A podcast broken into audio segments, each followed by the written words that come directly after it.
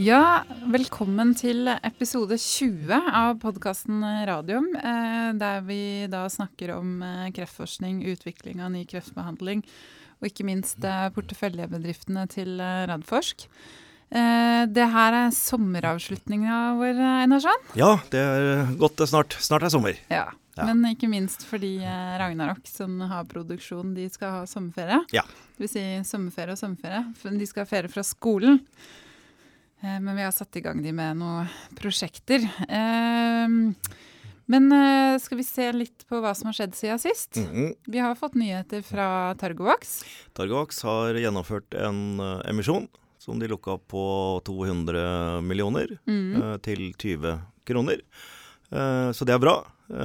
Det gir selskapet penger til å nå nye, forhåpentligvis verdidrivende milepæler, så det, mm. det er hyggelig. Og det kom jo som resultat av nye resultater? Eh, ja, de, de, de, delvis, det. Det var jo altså TG, TG01 to års overlevelsesdataene var jo veldig spennende og, og lovende. Så mm. det er klart at det hjelper alltid å ha Ikke alltid, men det bør hjelpe å få gode kliniske data. Ja. Men du, for meg som er litt mer bevandra i biologien enn en finansen.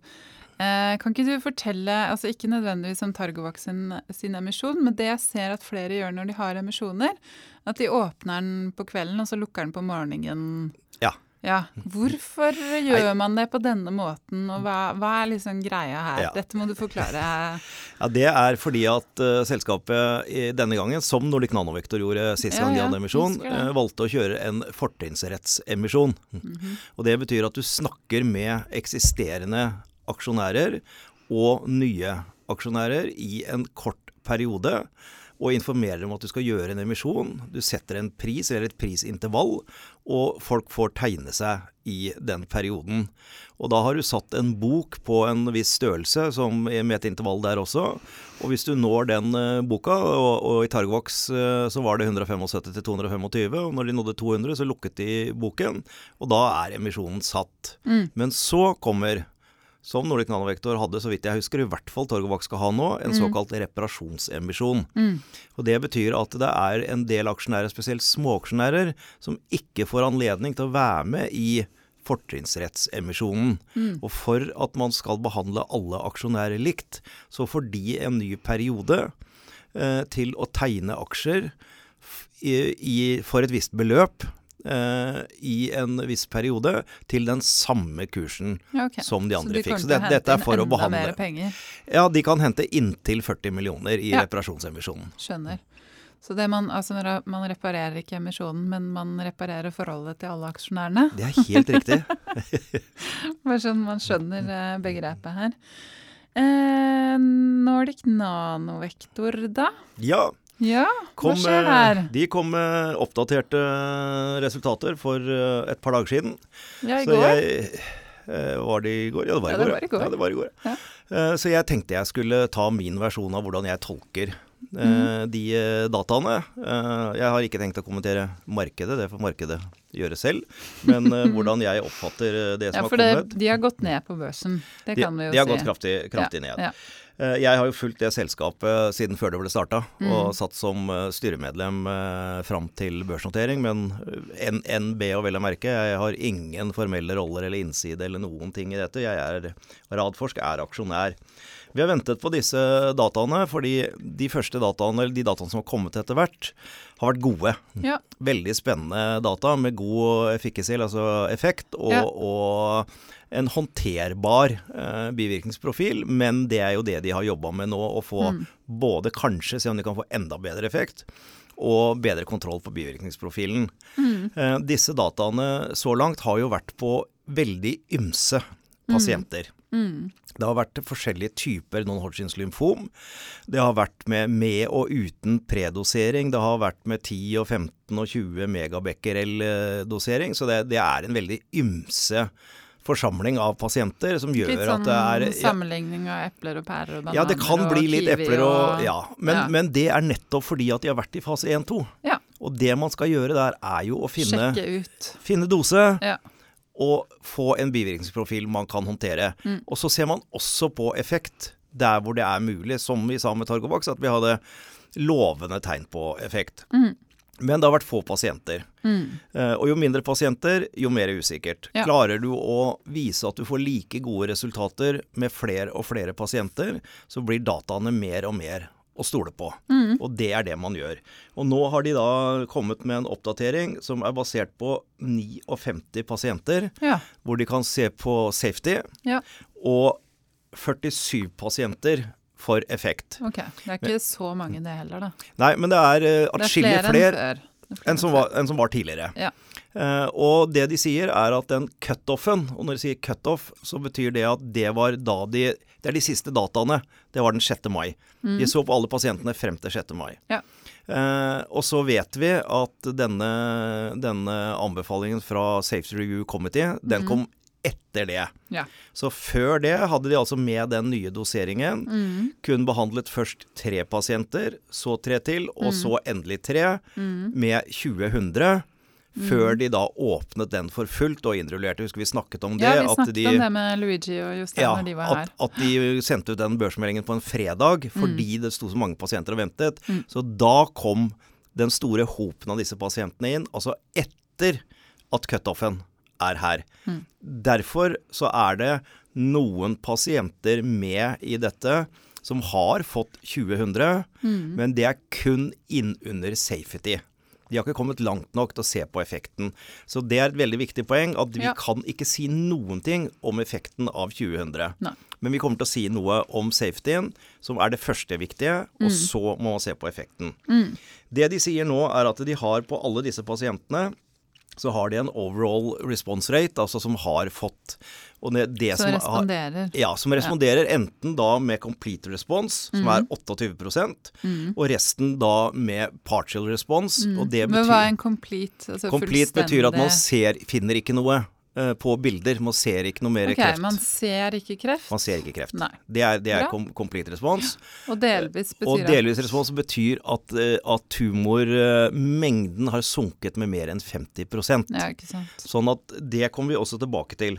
Mm. Men det som er nytt her, det er at de nå rapporterer en del pasienter eh, den største parten, jeg husker ikke tallet nå, men størsteparten av de innenfor det som heter follikulært lymfom. Og det er, Mm. Som er ny. Nei, follikulært lymfom er én av non-Hodgins lymfomdiagnosene. Det, det heter non-Hodgin. Ja. For Hodgins lymfom er én sykdom. Non-Hodgins lymfom er en sekkediagnose. Med bl.a. mantle cell disease som en av de. Skjønner. Men nå har de plukket ut alle, så, og det er de fleste, som har follikulært lymfom. Og sett på en subgruppe. og Det er første gang de har tort å gjøre det, fordi de nå har såpass mange pasienter. Og det som er nyheten, er at de sier at det er det de skal gå for i Ja. Paradigm-studiet. For her har de så god effekt. Indikasjonen vil være follikulært lymfom, Ja. og der er overall response rate 70% ja, det er fantastisk. så langt, og 27% på complete response. Men igjen, Mm. det er follikulær lymfom i all hovedsak fra 1540. Ja, så det Armen. kan ikke si noe om Så det kan, 20. den, kan, den kan bli bedre Ja. med 2000, men den er meget god Mm. på 1540, hvis de velger den. Mm. Eh, og så er det det andre tallet jeg nevnte. Det er hvis, eh, hvis vi nå ser på det som kalles for water, waterfall plot. Det er en av de i presentasjonen som viser eh, hvordan pasientene har eh, respondert i forhold til tumorstørrelse. Og da ser vi Jeg kan vise deg den, men de, Mm. Ja. de lytterne må, må finne den fram selv. Det er altså den det er den presentasjonen som ligger på hjemmesidene til Ja. eh, Nordic Nanovektor.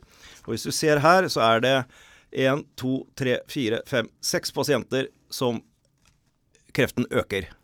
Og av de så er det fire som er follikulært lymfom. Men hvis du ser nedenfor streken, Mm. Ja, det er det veldig mange så ser du at nesten 90 ja.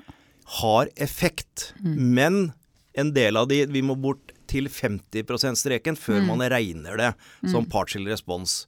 Men en viss respons er det på nesten 90 Mm. som jeg syns er spennende. Ja, det er jo virkelig lovende.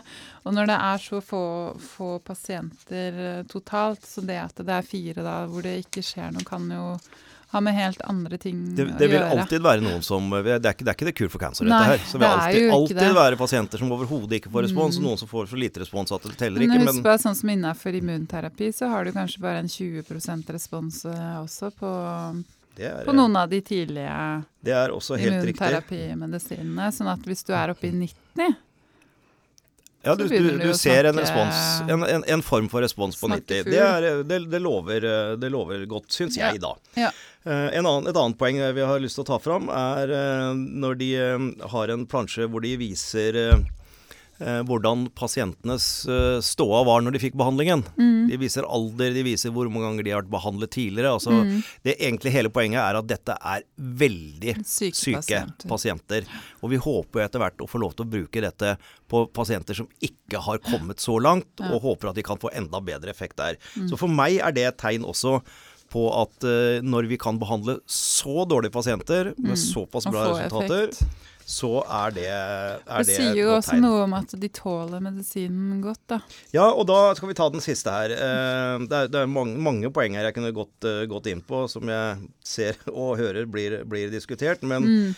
en av de er jo selvfølgelig da bivirkningsprofilen. Mm. Uh, og det som skjer, er jo at Eh, den, dette angriper jo B-lymfocyttene, mm. så de hvite blodlegemene. Mm. Eh, fordi det er jo de som blir kreftceller. Mm. Eh, så gir man den predoseringen nettopp for å skjerme de friske hvite blodlegemene, og dermed håpe å få minst mulig effekt på de. Mm. Og da måler man rett og slett hvor mye de hvite blodlegemene synker. Mm. Og jo mer de synker, jo mer skadelig kan det være. Mm.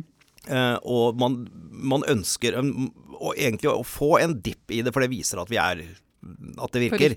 Men vi vil ikke gå så langt, langt at det kan være farlig for pasienten. Og da vil vi helst ikke se vi vil helst ikke se grad 4-effekt, mm. uh, uh, som er ganske alvorlig. Alvorlig. Klinikerne har ingen problem, for de henger bare opp en pose med hvite blodlegemer hvis den dupper under. Så det er egentlig Men du vil ikke ha det på labelen din på, hos FDA, eller Nei. sånn at dette Nei. kan føre til grad 4.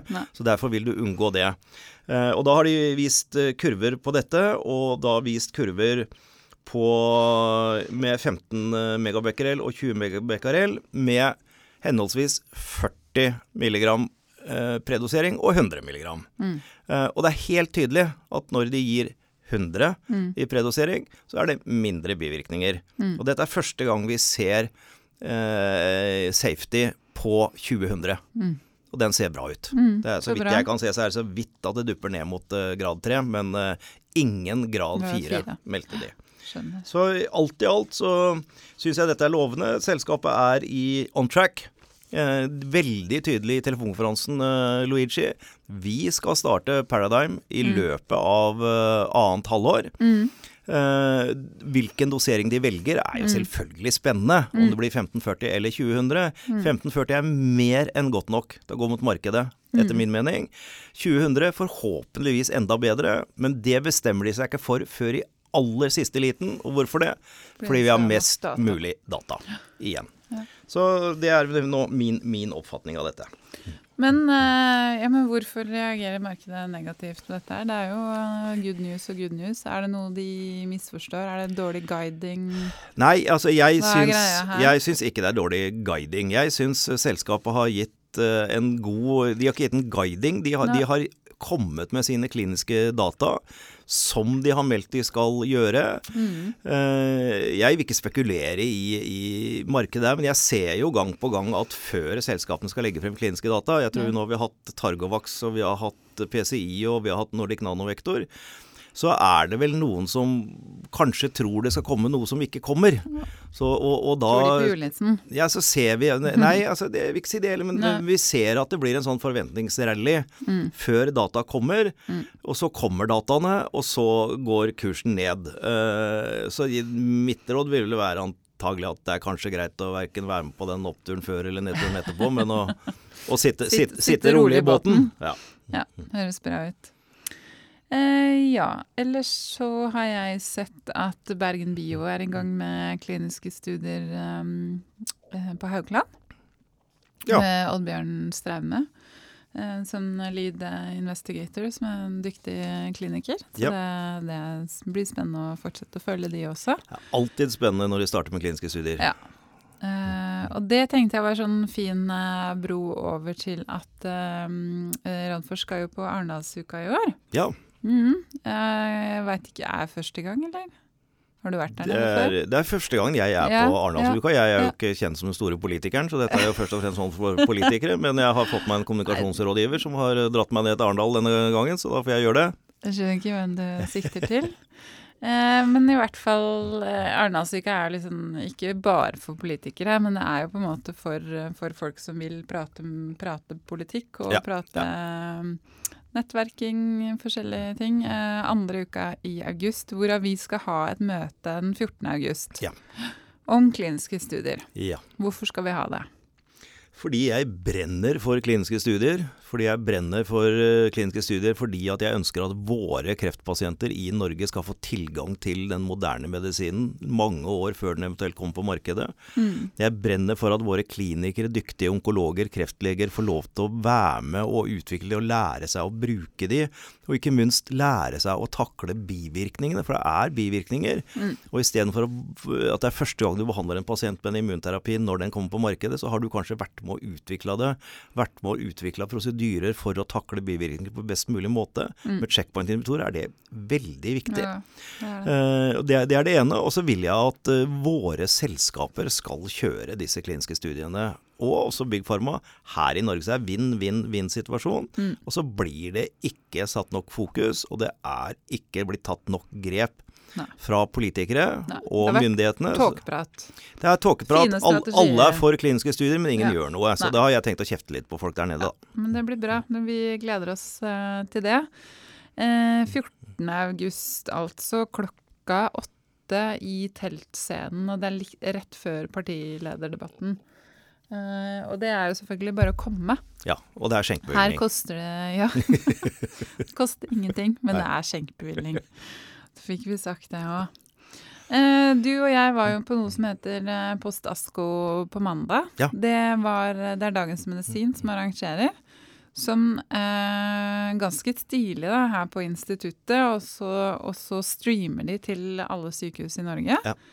Eh, og de hadde satt opp et kjempefint program med masse klinikere som da har vært på ASKO, som da er verdens største kreftkonferanse, og kommer tilbake med det de syns er det viktigste Ja. som skjer innafor ulike fagfelt. Ja. Var du like imponert som meg, eller? Ja, det var jeg. Det var, eh, det var kjempespennende. Én ting er Jeg var på ASKO i fjor. Mm. Eh, det er veldig spennende, du møter veldig mange folk. Men det er en gedigen konferanse, og du har ikke kjangs til å rekke over. Altså Hvis du bare jobber 35 000 med, med lungekreft, så kan du liksom få med deg mye av det. Men Ja. eh, sånn som uh, meg som ikke er spesialist og mer generalist og skal ha med mest mulig, så er det Mm. vanskelig å rekke over. Og her får du altså et uh, sammendrag av de viktigste nyhetene. Så det, er, det var kjempegøy å høre på. Ja. Ja, og Uavhengig av det her, så kan du gå inn på Dagens Medisin sin nettside, for de lagde utrolig mye saker derfra. Ja. Mhm. Men det var noen ting som du og jeg merka oss, og det er ett et sånn medisinsk navn som gikk hjem, og det var pembrolizumab.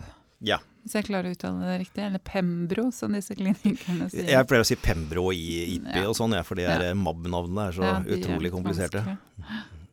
Ja, hva var det med denne Pembro? Nei, det var det at uh, Pembro, altså Kate Truda, som er, mm. er uh, merkenavnet, uh, er eh, for første gang, eh, så vidt jeg vet, og det sa Stein Rondahl òg, så er det helt sikkert sant, for første gang så har FDA gitt en, eh, en godkjenning av et eh, kreftlegemidler eh, legemiddel under det de nå kaller tumor-agnostic drug. Mm. Og det vil si at eh, det er en biologisk og ikke anatomisk indikasjon. Mm. Og hva betyr det? Jo, det betyr at hos noen kreftpasienter, i de aller fleste kreftformer, men noen ganger noen steder bare 5-6% noen ganger nede, helt nede i 1 mm. så er det en spesiell mutasjon. Ja.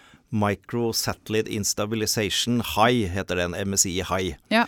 Uh, og hvis pasienten har den, så har den en, en særdeles dårlig prognose. Uh, for det er en mutasjon som er fryktelig vanskelig å stagge. Mm. Men det har vist seg at checkpoint, og, og spesielt da Pembro, har vist at de har effekt på de. Så du har rett og slett funnet en biomarkør her nå? Ja, er det én biomarkør. Det er, Ja. ikke, det er ikke, den, Det er ikke bio, den. den biomarkøren, Nei. men det er én, i hvert fall. Eh, sånn at om du, Mhm. har, eh, om du har kreft i bukspyttkjertelen eller i lunge eller i tykktarm eller hvor det måtte være, og har denne mutasjonen, som er ganske enkel å, å vise, Mm. eh, så får du denne medisinen. Uavhengig av hvor i kroppen det sitter. Så det, dette Ja, det er er den stilig. veien. Dette det har vi stilig. snakket om tidligere. Ja, Dette er ja, veien vi går, vekk fra fremtiden. anatomi til biologi. Dette er framtida. Så dette, det var veldig spennende. Ja, det jeg ser på notatene mine, det er liksom dette her som gikk igjen, som flere Ja. av de var innom, og som jeg også, også noterte eh, meg. Um, eller så andre ting jeg noterte meg, var at i forhold til prostatakreft så var det også kommet en del nye, nye ting, nye kliniske studier i forhold til behandlinga som man måtte endre litt på. Ja.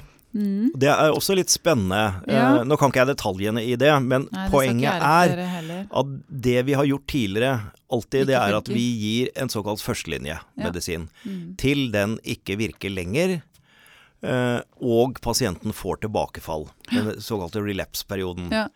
Eh, Så kommer pasienten plutselig og har masse nye kreftsvulster, og Mm. så er det en behandling Mm. Eh, som varer en stund, og så får pasienten eh, igjen en kanskje tumorfri eh, episode, og så venter man til den kommer tilbake Mm. før man starter en ny behandling. Mm. Det de har gjort her, er at de først har gitt den første behandlingen, og så har de ganske umiddelbart eller parallelt gitt behandling nummer to. Ja. Og det gir atskillig bedre resultater. Ja. Så det, denne gammeldagse måten Watch å tenke wait. på Den watch and wait til du blir dårlig igjen, Ja. den, eh, der skjer det noe også, og det, Mm. det er veldig spennende. Ja, og Steinar Omdal også innom det at uh, nå er det faktisk Altså, folk lever uh, i beste velgående etter å ha blitt behandla med immunterapi. Kan leve ti år med metastaser, og, og det går fint. Det er jo helt utrolig. Ja, og det er ikke bare kan leve, men Mm. har levd. Vi, Ja, vi, jeg har levd, Det er, det, observasjonstiden er ti år, Ja, så det kan godt ja. være det er lenger, det vet vi Ja, ikke. ja. En annen ting jeg, jeg bet meg merke i det, var, var igjen da dette som vi har snakka mye om tidligere. Igjen kom kombinasjon. Ja. Immunterapi. Mm. Uh, og da er det overskriften på den sliden jeg tok bilde av der, det Mm. var PD1 LN-inhibitor pluss. Altså checkpoint-inhibitor Mm. pluss. Mm. Og så er listen hva skal du kombinere med. Ja. Det er selvfølgelig CTLA4, altså IPIN, kommer øverst. Mm. Og så kommer vaksiner Mm. som nummer to. Og så Mm. kommer onkolytisk virus som Mm. nummer tre. Så. Så dette kan jo ses på som en reklame for noen uh, herværende selskap, men det er jo ikke selvfølgelig ikke ment sånn. Skal ikke nevne noe. Nei. Eh, ja, Steinar snakka også om disse tarmbakteriene og hvor stor eh, betydning de kan ha for effekten på immunterapi. Ja, det hørte jeg om for første gang på et, uh, Cancer Crosslinks. på et Cancer Crosslinks her. Mm, Ja. Eh, det har jo I vært år. Ja. Mm. Og så hørte jeg masse om det når jeg var på konferansen eh, som jeg var på i år. Mm. Eh, vi har visst at det er noe der, men det er nå de først begynner å vise det. Altså Det har betydning for, for hvilke typer tarmbakterier du har eh, når du starter behandling Mm. med, for eh, kreftbehandling, enten det er kjemoterapi eller eh, immunterapi. Eh, Blant annet så viste de at hvis du hadde fått en antibiotikakur Mm. én til to måneder før du startet behandlingen, så var prognosen Mye dårligere. Dette er, det er helt, det er helt- helt nytt felt. Vi bare Ja. skraper i overflata, men det er spennende. Men og, ja, og så er det veldig viktig å, å vite det. Ja. Eh, fordi da, hvis du akkurat har hatt en antibiotikakur, da, så er det jo superviktig at du sier fra om det Ja. til onkologen din. Det er ikke nødvendigvis sånn at han, har fått, han eller hun har fått den informasjonen fra fastlegen. Nei. Og at man kanskje også i tillegg går på noen probiotika. Ja, Sånn det, altså, det, det, jeg tror ikke vi skal anbefale noe som helst. nei, nei, for det, men i hvert fall at man er obs på det, Ja. og at du spør. Ja. Ja. Det viktigste er at dette er et helt nytt eh, felt, og det er Mm. veldig spennende. Eh, ja, det tror jeg var det jeg hadde notert Ja. meg fra ASKO. Se, Da har vi fått noen spørsmål fra lytterne. Det er jo alltid veldig hyggelig. Jeg skal ta det siste spørsmålet først, for det skal vi komme tilbake til. Um, I tillegg til stor interesse rundt kreftselskaper notert på Oslo Børs og Radforsk sine porteføljeselskaper, har det blitt børsnotert i hvert fall to kreftselskaper i Sverige de siste månedene, som heter Oncopeptides og Isofol. Og så er spørsmålet da om vi kunne snakka litt mer om selskapene, og kanskje sammenlignet de med de norske. Uh, og det er en kjempegod idé, men da tror jeg vi skal invitere våre svenske venner i Healthcap til å komme her Ja, og høre det. Ja, det skal vi gjøre. Men jeg kan bare ta Ja. en sånn veldig kjapt uh, svar Ja, på det. Jeg kjenner Flott. nå litt til de. Uh, og det som er nevnt i de to spørsmålene jeg så, det, er, mm. det ene er danske Genmob og deres produkt Darzalex. Ja, men Det er neste spørsmål. Det er neste spørsmål. Ja. ja. Det var mer disse to selskapene. Disse to, ja. Oncopeptides, den mm. er en litt, det var en litt artig sak. Vi har titta litt nærmere på den. Mm. De har et uh, molekyl som består av en lipid, altså en fettløselig del, og en del som de kaller for Cancer Fighting Agent. Og de okay. sier ikke noe mer om hva det er for noe. Nei, nei. Uh, men det er, det er en, et eller annet molekyl, agent, som, som kan virke inne i en kreftcelle. Mm. Og så har alle celler har et enzym som heter peptidase. Mm. Men uh, det enzymet er mye mer uttrykt i en kreftcelle eller en normalcelle. Ja. Så når de gir dette stoffet sitt, som de gir som en intravenøs infusjon, så, så, så finner disse Eh, molekylene de finner veien til kreftceller og vanlige celler, mm. eh, men de går jo da mangegangen eh, mer til kreftcellene fordi det er mer peptidase inni de. Skjønner. Og så går den lipiddelen gjør at de går igjennom cellemembranen. Eh, og så blir de delt opp inne i, i cellen der de skal ha sin, eh, sin drepende effekt. Mm. Uh, vil da, sånn som jeg ser det, også påvirke normalceller, men da forhåpentligvis i mye mindre grad enn kreftceller. Ja, Så uh, mer enn det om rundt prinsippet vet jeg ikke, men det ja. jeg vet er at det er Industrifonden og Healthcap som mm. til sammen eier 60 av selskapet. Mm. og det pleier å være en indikasjon på at det er i hvert fall noen som har evaluert teknologien veldig nøye. Mm. Og Isofol, hadde du hørt om det selskapet? Nei, jeg hadde ikke hørt om det, så jeg kikka litt på det. Det er et uh, folatmiddel, altså og forlatsyntesen spiller en rolle i hvordan først og fremst kjemoterapi virker. Mm. Så dette er et stoff som skal øke effekten og dempe bivirkningene av kjemoterapi. Uh, av kjemoterapi. Ja. Det er det jeg vet om det. Ja. Nei, men Da blir det spennende å høre litt mer når vi eventuelt får uh, får noen fra Healthcap i studio til høsten. Eh, I tillegg til det så hadde vi fått inn et annet eh, tre andre spørsmål.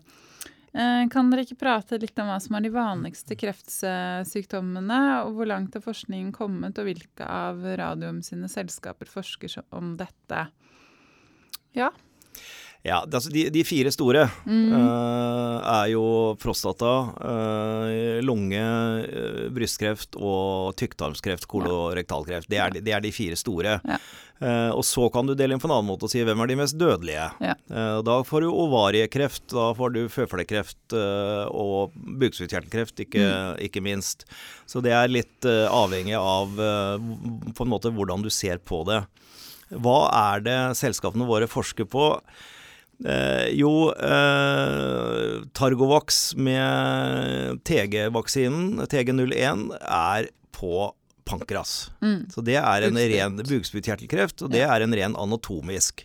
Men TG02, som bare er én peptid eh, i tillegg til de syv som er i, eh, i TG01, eh, den bruker vi på kolorektalkreft. Ja. Og det egentlige målet for TG, det mm. er ikke pankras eller kolorektal, det er de som har RAS-mutasjon. Ja.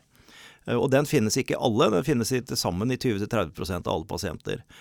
Ultimovax sin telomerasevaksine de har jo gjort sine studier på prostata, lunge og føflekkreft.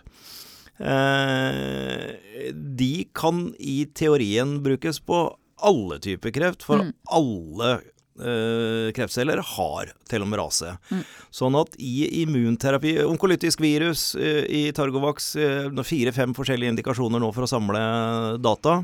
Mm. Så, så, den immunterapien som vi jobber med, den er altså ikke rettet mot eh, det anatomiske. Det er rettet mot det biologiske. Mm. Så det er igjen tilbake til der vi starta, ja, med tumoragnostic drug. Ja. Det gjør det. Uh, skal vi se Det er spørsmål om de ulike fasene i forskningen. Vet ikke da om vedkommende tenker vil... på basalforskning Nei, Jeg tror vi kan henvise til forrige episode, studie. hvor vi ja. jo snakket med Bjørn Klem om alle fasene. Eh, så jeg vil mm. anbefale å, å, høre den. Ja, det kan vi jo gjøre. For det var noen andre som anbefalte andre å høre på den. Ja. Så da kan vi Da kan vi gjøre det. da kan vi også gjøre det. Uh, så er siste spørsmål. Hva er deres syn på Genmab og Dashalex? Og er det noe norsk selskap som kan konkurrere i MM-studier? Skjønte du noe av det? Ja. Sånn? Uh, MM er jo da Jeg måtte tenke meg litt om der. Mm. Uh, men det er multiple myelomer, ja. uh, som er en blodkreftdiagnose. Ja. Beinmarg, eller? Nei. Myelom? Eh, det, er, det, er, blodkreft. Ja, det er blodkreft. Ja. Ok. Eh, de jobber med antistoffer. Mm. Monoklonale antistoffer. Mm. Som er en del av betalutin mm. til uh, Nordic Nanovektor, men der er det ikke antistoffet i seg selv som Nei. er den som skal angripe kreftcellene. Eh, CD37, som det mm. heter til, eh, til Nordic Nanovektor, det er bare det frakteskuta mm. som tar med seg kanonen, som er isotopen, inn i kreftcellen. Ja. Eh, og Det var grunnen til at vi hadde den, den CD37 i mange, mange mange år. Mm. Eh, ble laget av bl.a. Steinar Funderud mm. eh, her. Eh, men den trodde ingen var noe bruk for, fordi den gikk jo inn i cellen og ikke satte seg på utsida. Mm -hmm. Og meninga er at den skal sette seg på utsida sånn at makrofager og andre blir oppmerksom på krepscellen og tar den. Mm. Men her kunne den brukes som, som, som fraktskute. Mm. Men de andre de, de, skal enten angripe kreftcellen selv eller merke kreftcellen sånn at, uh, at immunsystemet tar de. Mm. Uh, og der fins f.eks. rituximab, jo, som er godt kjent, som jo da er den som på en måte Nordic Nanovektor satser på å erstatte med mm. betalutin. Det er CD20. Mm. Så fins det masse CD-er og mange forskjellige typer uh, antistoffer. Men de monoklonale er spesielle med at de går bare på ett antigen. Mm. Så har du noe som heter poloklonale, som angriper mange antigener. Mm. Som er mye vanskeligere å bruke i kreftbehandling, for vi ønsker jo å gå spesifikt. bare på, spesifikt på kreftceller. Ja. Uh, og Genmab har, et, uh, har, flere produkter. De har, um, det som ble spurt om spesielt her, er Darzalex. Og Der kommer disse her Mubab-navna igjen. Daratumumab. Ja, som er en CD38, mm. som da uttrykkes på B-lymfocyttene i multipelt myelom. Og da er du ganske langt nede i noen sånne biologiske pathways. Ja. Ja, ja kjempegøy. Ja. ja. Ja, ja, det blir helt som biokjemi eh, med en gang, ja. Det er et antistoff på mm. lik linje med mange andre antistoffer mm. som er der ute. Blir i dag brukt som tilleggsbehandling til andre behandlinger, mm. er på markedet. Jeg kan ikke si så veldig mye mer enn det, men jeg hørte en presentasjon eh, av eh, administrerende i Genvab for noen uker siden på Arctics Healthcare. Mm. Virket veldig solid. Ja. Eh, ser ut som de nå har god, god finansiering. Eh, har, eh, deres strategi er at de partner opp ganske tidlig med store. Mm. Big Pharma, mm. og tar da heller og gjør en det han kalte for rause dealer for, for, Big Pharma, egentlig, men tar bort risikoen for Genmab og får inntekter senere. Så Er de danske? Så vidt jeg husker, så er de danske. Ja, ja jeg tror det. Mm. Så sikkert et spennende selskap, men jeg kan ikke verken anbefale nei, eller ikke nei, anbefale. Nei. Så bra. Det var alt. Ja. Det er eh, sommerferie, og så får vi gå og høre litt med Ragnarok eh, ja, først, etter sending. Først er det San Diego og Bio 2017, hvor jeg ja, skal prøve å samle, samle, inn noe til podkasten eh, til høsten. Så får du tvitre litt, da. Ta litt bilder og Ja. Ja, du får ja, gjøre det. Jeg får gjøre det. Ja, nå, altså, nå, prøvde jeg å si at du har sommerferie, og du, du, sier du skal på konferanse. Ja. Så da, da, må du jo Men Da tror jeg alle har skjønt hvem som er min kommunikasjonsrådgiver, så da ønsker i hvert fall jeg alle god sommer. Vi ses til høsten, holdt jeg på å si. Vi høres til høsten.